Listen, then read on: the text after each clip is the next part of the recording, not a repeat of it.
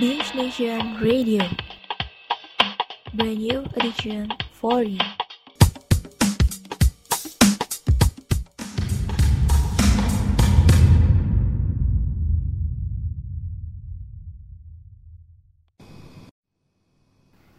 Gira merupakan seorang operator telepon layanan panggilan darurat dan hari ini adalah hari pertamanya bekerja. Dalam pandangannya, prosesi ini merupakan prosesi yang sangat keren dan menegangkan. Gira tidak sabar untuk memulai hari baru. Setibanya di kantor, Gira langsung menghampiri meja kerjanya dan duduk di sana. Melihat Dira, Fei pun menggodanya. Cie, semangat banget hari ini. Yoi dong. Baru saja Dira duduk, tiba-tiba saja terdengar dering telepon. Dan tanpa basa-basi, Dira pun segera mengangkatnya. Siaga 112 Jakarta bisa diberitahukan keadaan darurat Anda. Kak, tolong tolongin aku. Aku nggak mau dipotong, Kak. Tolong. Eh, Oke, oke, sabar dulu, kamu tenang dulu. Eh, nama kamu siapa? Namaku, aku Cim Cim, Kak. Oke, Cim Cim, sekarang kamu lagi di mana? Aku lagi di ruang cucian. Oke, kamu lagi sama siapa? Apakah ada orang tuamu di situ? Mama, papa lagi pergi, nggak tahu kemana. Aku sendirian sekarang, Kak. Tolongin, Kak. Aku nggak mau dipotong. Oke, sekarang kamu tenang dulu, terus kamu cari tempat aman dulu untuk bersembunyi. Oke, coba ini eh, anak kecil, coba kamu cek lokasinya di mana ya, Vi? Oke, bentar ya. Di, kamu masih di sana? Ma- masih, Kak. Eh, di deket situ ada apa boleh coba eh, bilang ke aku kalau di sekitarmu ada apa aja? Di situ, di deket aku sekarang a- ada mesin cuci, Kak. Ah, kira-kira kamu muat nggak kalau kamu sembunyi di situ? Enggak. Oke, kalau di deket kamu ada keranjang baju. Keranjang baju sebentar. Ada, Kak. Oke, jadi kamu coba masuk ke situ dulu ya, sambil tunggu bantuan sebentar lagi datang. Iya, Kak.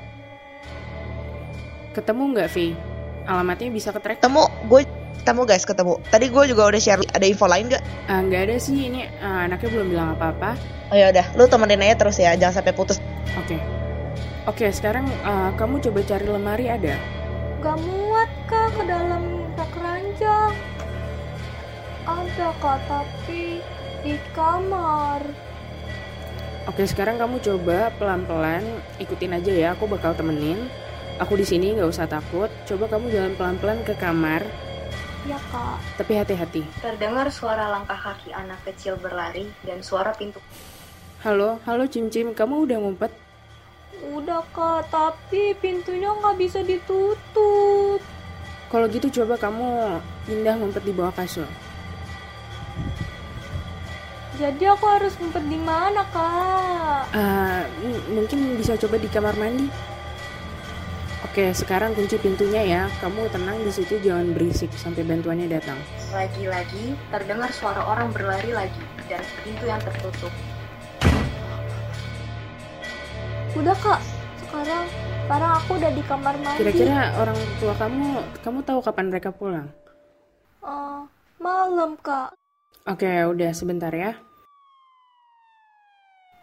Dir, Dir, polisi sama medis udah pada nyampe, bilangin tuh ke bocannya. Oke, jadi ini polisi sama tim medis udah sampai ya di depan rumahmu. Kamu Makasih, Kak. bisa aman langsung keluar aja. Bisa, Kak. Oke, makasih, Kak. Kemudian, anak itu terdengar lebih tenang dan Dira juga merasa lega karenanya. Tapi, Dira masih bingung dengan maksud si anak mengenai ucapannya tadi. Karena sepertinya situasi di TKP tidak sedarurat yang Dira pikirkan. Ah, Dek, kakak mau nanya boleh? Nanya apa, Kak? Ah, tadi kamu sempat bilang bakal dipotong. Itu kamu kenapa ya bilang gitu? Iya, Kak. Mama yang bilang ke aku. Kalau aku nyangkut lagi, bakal dipotong. Ah, mm, maksudnya? Ih, kakak, lemot deh. Ini loh, jadi di rumah kan ada ember. Jadi, Kak, embernya nyangkut di pantat aku. Oh, mm, terus kenapa ya dipotong? Nyangkut, Ya Kak.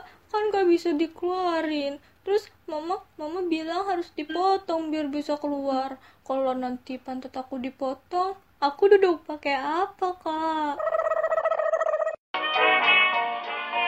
Binge Nation Radio. Brand new edition for you.